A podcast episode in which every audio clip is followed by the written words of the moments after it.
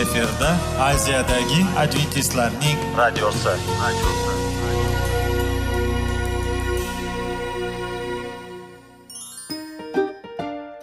assalomu alaykum radio tinglovchimiz dasturimizga xush kelibsiz va bizni tinglayotganingizga sizdan judayam minnatdormiz bugungi bizning dasturimizning nomi sog'liq daqiqasi deb ataladi va biz sizlarga bu dasturda mevalarning foydasi haqida so'zlab bermoqchimiz ya'ni uning tarkibi uning tarixini va foydali xususiyatlari haqida. Aziz do'stlar mevani iste'mol qilish kerak ekan va biz boshladik ketdik. Sog'liq daqiqasi soliqning kaliti qiziqarli ma'lumotlar faktlar. Har kuni siz uchun foydali maslahatlar. Sog'liq daqiqasi rubrikasi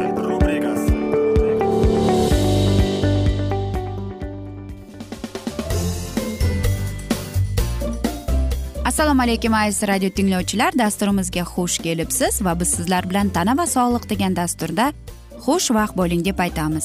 Va bugungi bizning dasturimizning mavzusi shamollash va gripp deb nomlanadi. Albatta biz bugungi dasturimizda sizlar bilan ayniqsa kuzda va bahorda qo'zg'aydigan kasallik haqida suhbat qurmoqchimiz. Va biz o'ylaymizki sizlar bilasiz shamollash va gripp aynan kuzda va qishda qo'zg'aydi. Hech ham o'ylaymizki yonimizda birortasi chuchkurmasin yoki aytaylik yo'talmasin deymiz. Chunki u bosh og'riqni olib keladi va hokazo muammolarni ham. Kasallik hech qachon ham bizning e, turmush tarzimizga kirib kelaveradi chaqirilmagan mehmon kabi. Ammo lekin qanday qilib biz e, shamollashni yoki grippni o'zimiz ogohlantirishimiz mumkin? Agar biz kasal bo'lib qolgan bo'lsak biz nima qilishimiz mumkinki tezroq sog'ayib ketishimiz uchun. Mana shunday savollarga bugungi e, dasturda sizlarga e, javob berishga harakat qilib ko'ramiz. Albatta mana shu shamollashni oldini olish judayam yaxshidir va ko'plab profilaktika e, usullari ham bor. Masalan yoshligimizda bizga onamiz nimadir edi aytar ediki qo'lingni yuvgin deb. Chunki qo'l bu eng asosiy virusning olib kelishi uchun. Ya'ni biz qo'limizni yuvmasak biz o'zimizga ko'plab kasalliklarni chaqirib kelamiz. Ko'p e, juda tez tez qo'limizni yuvsak yoki boshqa odamlar bilan so'rashganda yoki boshqa bir narsa avtobusda ushlab nima qilganimizda bu albatta e, ko'plab viruslarning oldini olishi bo'lib keladi.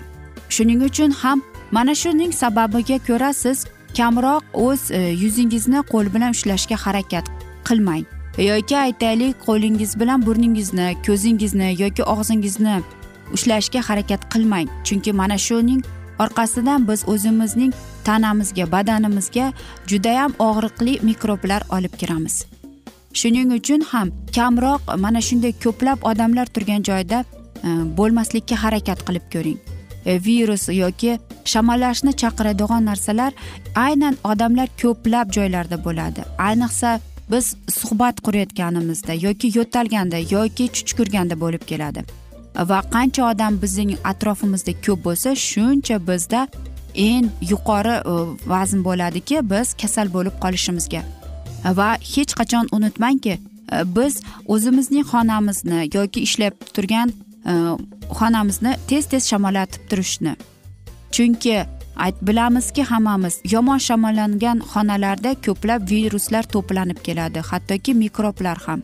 Shuning uchun ham har kuni birozgina bo'lsada oynalarni ochib uyga toza havo kirgizishga harakat qiling. Va albatta konditsionerlar bilan o'zingiz ehtiyot bo'ling. Chunki e, mana shunday issiq sovuq bo'lgandan keyin biz darrov kasal bo'lib kelamiz. Va unutmangki konditsionerning filtrini tez tez almashtirib turishga. Yana bir maslahatimiz bor bizning bugungi dasturimizda.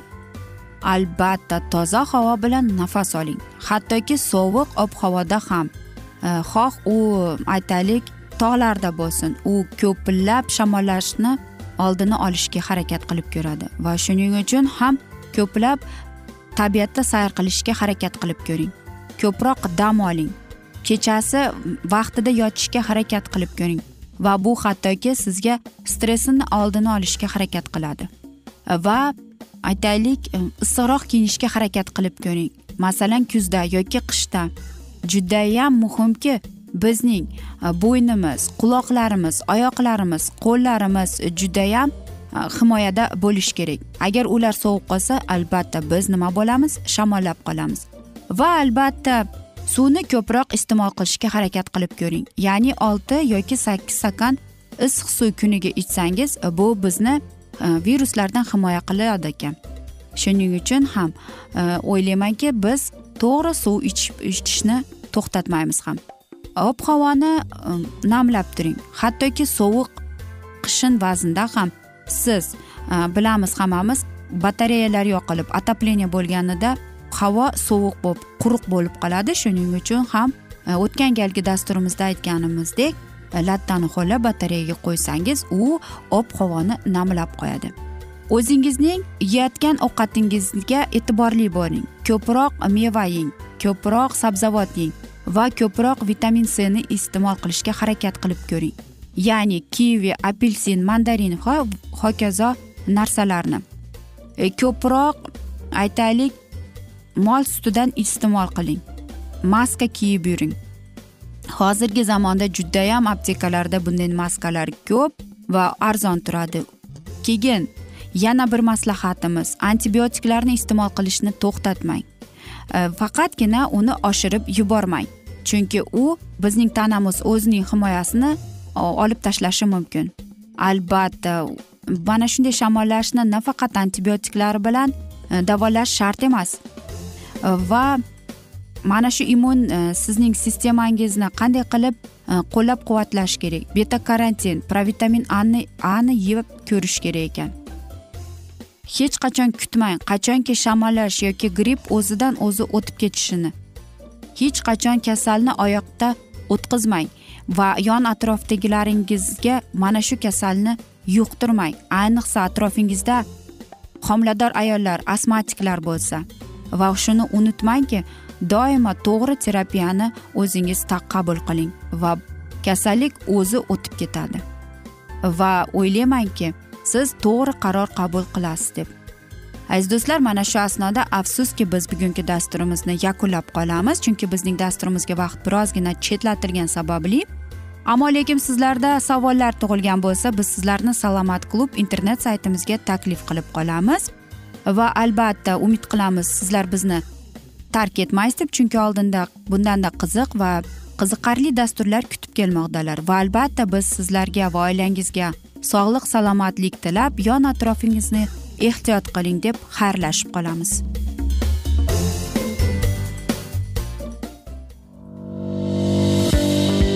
Sog'liq daqiqasi soliqning kaliti qiziqarli ma'lumotlar faktlar. Har kuni siz uchun foydali maslahatlar. Sog'liq daqiqasi rubrikasi.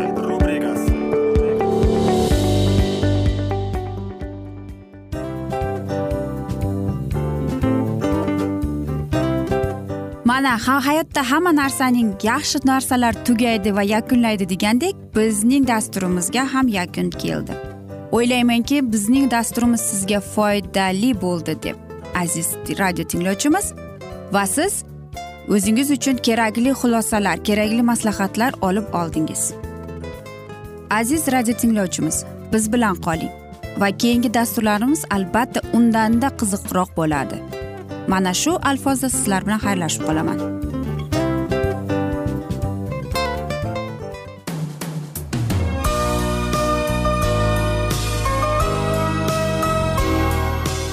Efirda aziyadagi adventistlarning radiosi.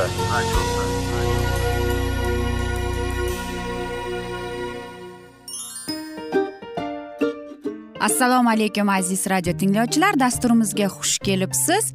Va sizlarni bugun biz munosabatlar haqida sizlar bilan suhbat qurmoqchimiz. Ya'ni ikki sevishganlar to'g'risida yoki er xotinning o'rtasida bo'lgan munosabatlar haqida.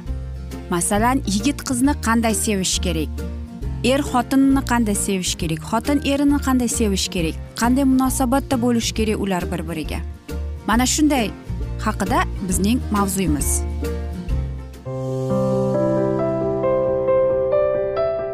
Har kuni har xil kasbdagi odamlar bilan sirlashish va bo'lishish sevgi rashq munosabat bularni hammasi izhori rubrikasida.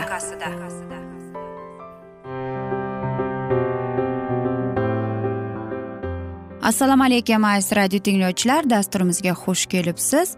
Va biz sizlar bilan erkaklar marsdan ayollar veneradan degan dasturni o'qib eshittirishni boshlagan edik. Va bugungi bizning dasturimizning mavzusi erkak kishi bizning ma'qullashimizga e, muhtoj bo'lganida deb nomlanadi. Albatta ko'plab bahslar nima uchun boshlanib keladi? Nafaqat ikki inson bir biri bilan ehm, aytaylik kelishmaganligi uchun balkim erkak kishi sezyapti ayol kishi uning hislarini uning fikrini bo'lishmayapti yoki ayol kishi uni ma'qullamayapti u bilan qanday ohangda gapirayotganini. Albatta ko'plab marotaba ayol kishi mana shunday o'zining noroziligini nimadan kelib ko'rsatib chiqadi? Albatta agar uning turmush o'rtog'i aytaylik unga juda sovuq muammoda bo'lsa yoki uning aytaylik muammolariga umuman kerak emasdek ohangda bo'lsa agar aytaylik erkak kishi va ayol kishining qachonki ular o'rganib olsa bir biri bilan kerakli poyanada suhbatlashishni bahslashni va qachonki ular o'rganadi oddiy va o'zini tinchlikda o'zlarining bahslarini hal qilishsa ularga mana shunday narsalar judayam oson va oilasida tinchlik bo'lib keladi. Albatta erkak kishi xato qilganda u nima bo'ladi? Birinchidan u unutib qo'yadi undagi bergan e, boshliqni yoki ayol kishi ham tushunmaydi. Nega u shunchalik mana shu narsani o'z ko'ngliga yaqin olayotganini deb? Yoki masalan shunday bo'ladiki qachon?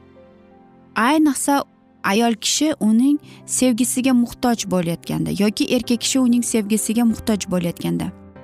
Va mana shunday narsada biz ma'qullashni ulardan mahrum qilsak nima bo'ladi? Albatta ayol kishi o'ziga o'zi umuman hech narsani aytolmaydi balkim o'ylayaptiki erkak kishi menga faqatgina mana shunday umidsizlikni olib kelyapti deb. Lekin u sezyapti u tomondan nimani sezyapti erkak kishi? Sovuq va albatta sevgi yo'qligini sezyapti. Va ayol kishi o'zi bilib bilmasdan o'zining mana shunday fikrlarini aytganda yoki o'zining gapirayotgan gaplarida yuzida ifodalaganda erkak kishi uning yuziga qarab umuman boshqacha narsalarni tushunib oladi. Qanchalik inson so'zi shirin va nozik bo'lmasin agar undagi bor gapirgan ohangi qanday ular eshitiladi? Yoki e, siz mana shu so'zlarni gapirayotganingizda sizning yuz ifodangiz qanday bo'ladi? Va albatta mana shu narsa erkak kishini judayam chuqur teginib ketadi. Va albatta u sizdan o'zini himoya qiladiki. Va u sizni e, bor va yo'q gunohlarda ayblay boshlaydi. Qanday qilib u bilan siz o'zingizni qarshiligingizni ko'rsatmoqchisiz? Yoki qanday qilib siz u bilan bahslashayotganda nima qilasiz? Bizni ota onamiz ko'plab yoki ba'zidan esa ular bilmas edi qanday qilib bahsni olib borishni va ular darrov bahsga kirishib ketar edi. Va men o'ylaymanki keyingi sizlarga aytadigan so'zlarim birozgina yordam bo'ladi deb erkak va ayol kishining bir biri bilan to'g'ri suhbat qilishayotganda va ular o'zlari bir biriga qanday qilib dalda berayotgan va albatta mana shunday dasturlar sizlarning bahsingizgacha olib bormaydi deb. Masalan aytaylik bir misol sizning turmush o'rtog'ingiz ishdan kech keldi. Albatta ayol kishi qanday savol beradi? Sen nimaga kech qolding deb yoki nega sen qo'ng'iroq qilmading deb nega men sendan e, mana shunday o'ylashim kerak deb. Unga nima eshitiladi? Umuman hech qanday jiddiy muammolar yo'q edi. Mana shunday o'zing kech qolayotgani. Sen mas'uliyatsiz insonsan deb. Men bo'lganimda hech ham kech qolmas edim deb. Men sendan yaxshiman deb. U nimani tushuntirib beradi? Ha ko'prikda probka bo'lib qoldi deb yoki ha sen xohlagandek hayotda hamma narsa ham bo'lavermaydi deb yoki aytadiki nima biror marta ishdan kech qolsam hech narsa biror narsa bo'lib qoladimi deb. Ayol kishiga nima eshitiladi? Sen umuman o'zing mayda chuyda narsadan xavotir olaverma. Bu umuman arzimaydigan narsa deb. Nima bo'lgan chog'da ham mening ishim muhimroq sendan ko'ra. Sen umuman olib qaraganda ko'p narsalarni talab qilyapsan deb. Qanday qilib biz aytishimiz mumkin? Aytish kerak ekanmiz. Albatta men yoqtirmayman sen kech qolayotganingda. Meni bu xavotirga soladi. Men sendan juda minnatdor bo'lardimki keyingi safar agar sen ishda ushlanib qolsang menga telefon qilasan deb. Qanday qilib u o'zining hurmatini unga ko'rsatishi mumkin? Men rostdan ham kech qoldim. Men judayam achinaman. Sen shunchalik xavotir qo'yganimga deb. Mana shunday mahalda judayam siz chuqur va aytaylik siz unga tushuntirishingiz kerak. Va siz unga shu narsani his etishingizni hadya qilishingiz kerakki u sevimli va siz unga bor hurmat bilan e'tibordasiz. Albatta u o'zining g'oridan kelganda ham biz ko'plab savollarni beramiz.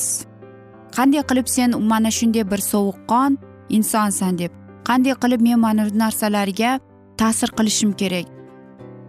Men qayerdan bilaman sening yuragingda nima bo'layotganini deb. Unga nima eshitiladi? Hech narsa bo'lgani yo'q. Shunchaki men sendan birozgina uzoqlashgim keldi deb aytadi. U siz nimani tushuntirasiz ayolingizga? Men shunchaki biror kun o'zim yolg'iz qolgim keldi deb. Unga nima eshitiladi? Sen bekordan bekor xafa bo'lyapsan. Men shunchaki yolg'iz qolib keldim. Sen judayam injiqsan deb. Sen meni umuman boshqarmay qo'ysang ham bo'laverar deb. Lekin buni o'rniga biz aytishimiz mumkin edi. Bilaman seni vaqti vaqting bilan mendan uzoqlashing kerak lekin meni bu narsa xavotirga solyapti deb aytish kerak. Erkak kishi aytishi kerak ekan men seni tushunyapman ammo lekin men o'zimni yomon his qilganimda men mana shunday uzoqlashaman deb qoladi. Kel mana shu haqida hozir suhbatlashamiz. Va albatta ayol kishi mana shunday so'zlarni eshitganda u o'zini sevimli g'amxo'r his qiladi. Yoki masalan aytaylikki biz unga darrov tashlanmasdan to'g'rima to'g'ri aytishimiz kerak o'zimizning muammolarimizni. Erkak kishi albatta eshitadi lekin qanday darajada eshitishni e, biz o'zimiz o'ylab chiqaramiz ekan. Aziz do'stlar men o'ylaymanki mana shunday dasturlar sizlarga birozgina bo'lsada yordam beradi deb va afsuski mana shunday asnoda bugungi dasturimiz yakunlab qoladi. Chunki bizning dasturimizning mavzu vaqti birozgina chetlatilgan ammo lekin keyingi dasturda albatta mana shu mavzuni yana o'qib eshittiramiz va biz umid qilamizki bizni umuman aslo tark etmaysiz deb chunki oldinda bundanda qiziq va foydali dasturlar kutib kelmoqdalar va sizlarga va oilangizga tinchlik tilab yuzingizdan tabassum hech ham ayrimasin deb xayrlashib qolamiz.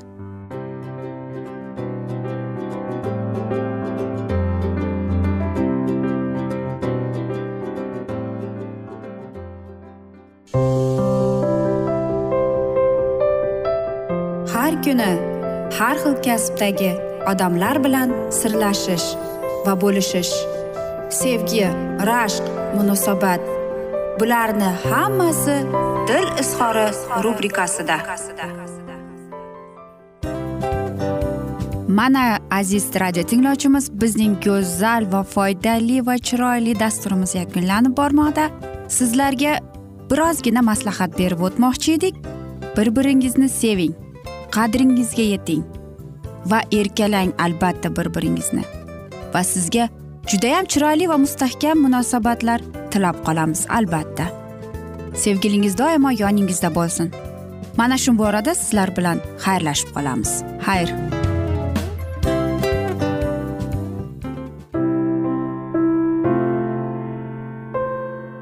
Hayotning noni. Qiziqtirgan savollar va javoblar. Buning hammasi ko'ngil uchun oziqa rubrikasida.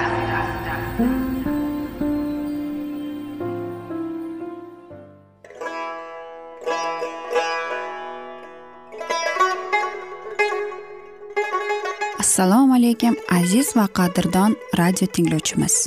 Dasturimizga xush kelibsiz. Bizni tanlaganingizga sizdan minnatdormiz. Va keyingi bizning E, mavzuyimiz diniy masalasiga kelib chiqadi. Albatta hayot davomida bizni ko'plab qiziqtirgan savollar bordir.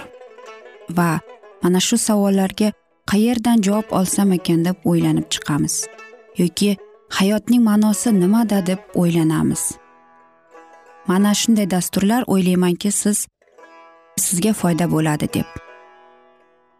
Aziz do'stlar e, bugungi bizning mavzuyimizning nomi vahiy kitobning ochilishi. Ya'ni bu muqaddas kitobda shunday deb yozilgan. Vahiy kitobning bizga bo'lgan buyuk sovg'asi deb. Albatta mana shunday kitobni eshitib quloq solib e'tiborli bo'lsak biz o'zimizning qiziqtirgan hayotning ma'nosini tushuntirgan bizni kelajakda nima kutayotganini mana shu kitobdan bilib olamiz albatta.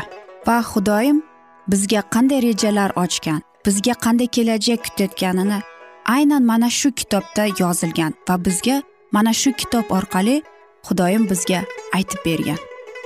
Keling aziz do'stlar mana shu kitobni e'tiborli va yaxshilab quloq solib va chuqurroq nazar solaylik shu muqaddas kitobga. Assalomu alaykum aziz radio tinglovchilar dasturimizga xush kelibsiz. Va biz sizlar bilan ulug' kurash degan kitobni o'qib eshittirayotgan edik.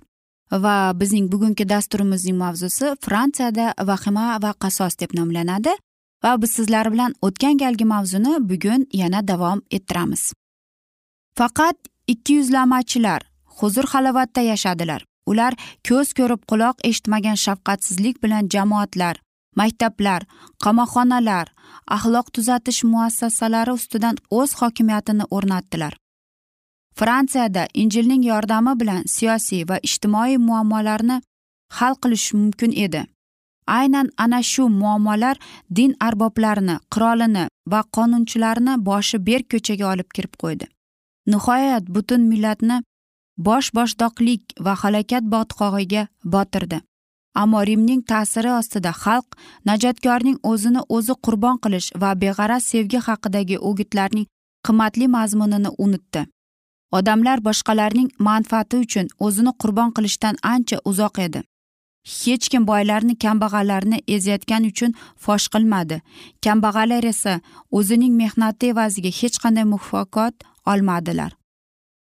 Boylarning xudbinligi va mulkdorlarning hukmronligi yanada zulmkor bo'lib boraveradi. Asrlar davomida esa talonchilik va makorchilik og'ir yuk bo'lib kambag'allarning yelkasiga yotdi.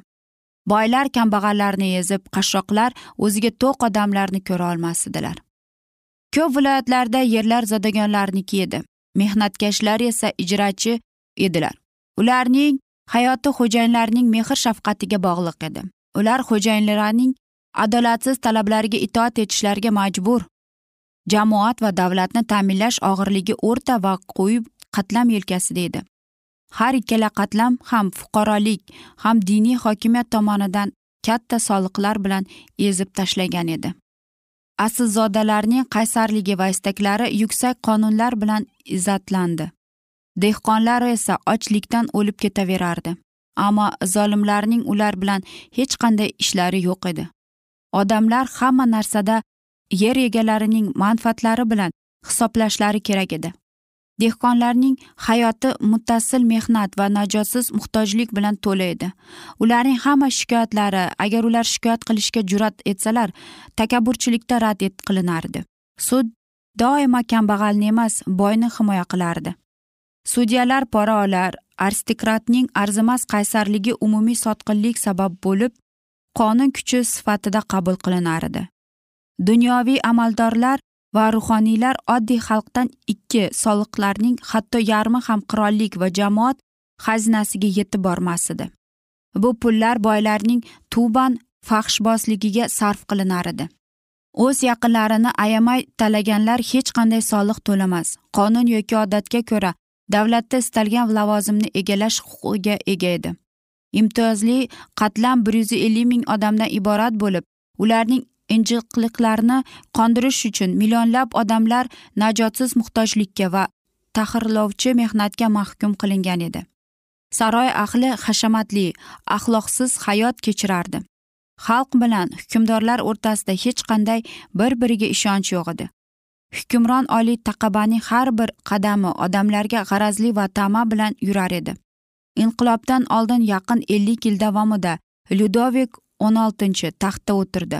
U hatto o'sha yovuz yillarda ham hashamatligi yengil tabiatligi va axloqsizligi bilan dong tarang edi. Johil odamlarni qashoq qilib axloqsiz va shafqatsiz azodaganlarga moddiy yetishmovchilikni boshdan kechirayotgan davlatga umidsizlikka tushgan xalqqa bularga qarab turib ishonch bilan qo'rqinchli va chetlab o'tib bo'lmas oqibatni bashorat qilish uchun payg'ambar bo'lishi shart emas edi. Qirol o'z maslahatchilarining hamma ogohlantirishiga shunday javob berdi. Harakat qilinglar toki mening hayotligim davrida falokat yuz bermasin. Men o'lgandan keyin esa nima bo'lsa bo'laversin. Islohotning zarurligi to'g'risida gapirish behuda edi. U yovuzlikni ko'rdi ammo unga qarshi turishga na kuchi na jasorati bor edi. Uning kaltabinlik va xudbinlik bilan shunday javob berdi. Mendan keyin dunyo ostin ustun bo'lib ketmaydimi? Fransiyani kutayotgan qismatga bundan ortiq ta'rif berib bo'lmasin. Rim qirollarining va boshqaruvchilarining doiralarining shubhalarini hasadlarini alanglatib xalqni qullikda ushlab turishga majbur qilishga urindi. Rim shuni yaxshi bilar ediki bu davlatning zaiflashishiga olib keladi.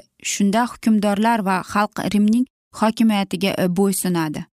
Uzoqni ko'radigan rim ruhoniylari bir narsani yana tushundilar. Odamlarni qul qilish uchun ularning qalbini qul qilish kerak. Ularni qullikda ushlashning eng yaxshi usuli o'z erkinliklarini ular idroq bilan boshqarishlarga layoqatsiz qilishdir. Rimning tabiiy ravishda yuz beradigan bu siyosat axloqiy tanazzulga olib kelishi jismoniy azoblardan ko'ra ming marta dahshatlidir. Muqaddas kitobda marhum bo'lgan hokimiyatda mutasib ta'limot ichida qolgan xalq jaholat xurovat illatlar botqog'iga botib qoldi. Ular o'zlarini boshqarishga tamomila layoqatsiz bo'lib qoldi. Lekin bularning hammasi rim mo'ljallangan oqibatlarga olib kelmadi. Rim xalqi o'zlarining ko'r ko'rona aqidalarga itoat ettirishga intilib odamlarning shaqqoq va inqilobchi bo'lishlariga sababchi bo'ldi. Ular kataklizmning ruhoniy ziddiyatlariga o'xshatib undan nafratlangan bo'ldi. Xalq o'zining ezilgan ahvoliga dindorlar aybdor deb hisoblardi. Aziz do'stlar mana shunday alfozda biz bugungi dasturimizni afsuski yakunlab qolamiz chunki bizning dasturimizga vaqt birozgina chetlatilgani sababli. Ammo lekin sizlarda savollar paydo bo'lgan bo'lsa biz sizlarni alkitab media internet saytimizga taklif qilib qolamiz. Va albatta sizlarga oilangizga do'stu birodarlaringizga tinchlik totuvlik tilab sog' salomatlik tilab. Va albatta aziz do'stlar yuzingizdan tabassum hech ham ayrimasin deb xayr omon qoling deb xayrlashib qolamiz.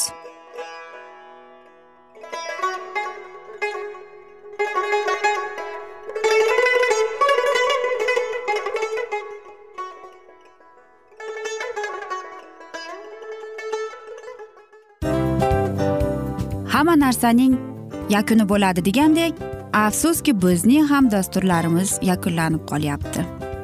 Va biz o'ylaymizki bizning dasturimizdan o'zingiz uchun kerakli va foydali maslahatlar olib oldingiz. Sog'liq borasida sizga foydali maslahat berganmiz deb umid qilaman albatta. Va sizlarga mana shu borada sog'liq tilab qolaman. Munosabatlarga kelganda esa sizlarga sevgi omad va albatta yaxshi munosabatlar tilab qolamiz. Uchinchisiga kelganda esa bu juda chuqur va e'tiborli nazarni qumsaydi. Va sizlarga mana shu yaxshilik kayfiyatda sizni kayfiyatingizni ko'targan holda sizlar bilan xayrlashib qolaman afsuski. Ammo lekin keyingi dasturlarimiz undanda qiziq bo'ladi. Va siz biz bilan bo'ling. Bizni tanlaganingiz uchun sizlarga rahmat. Omad sizlarga. Xayr.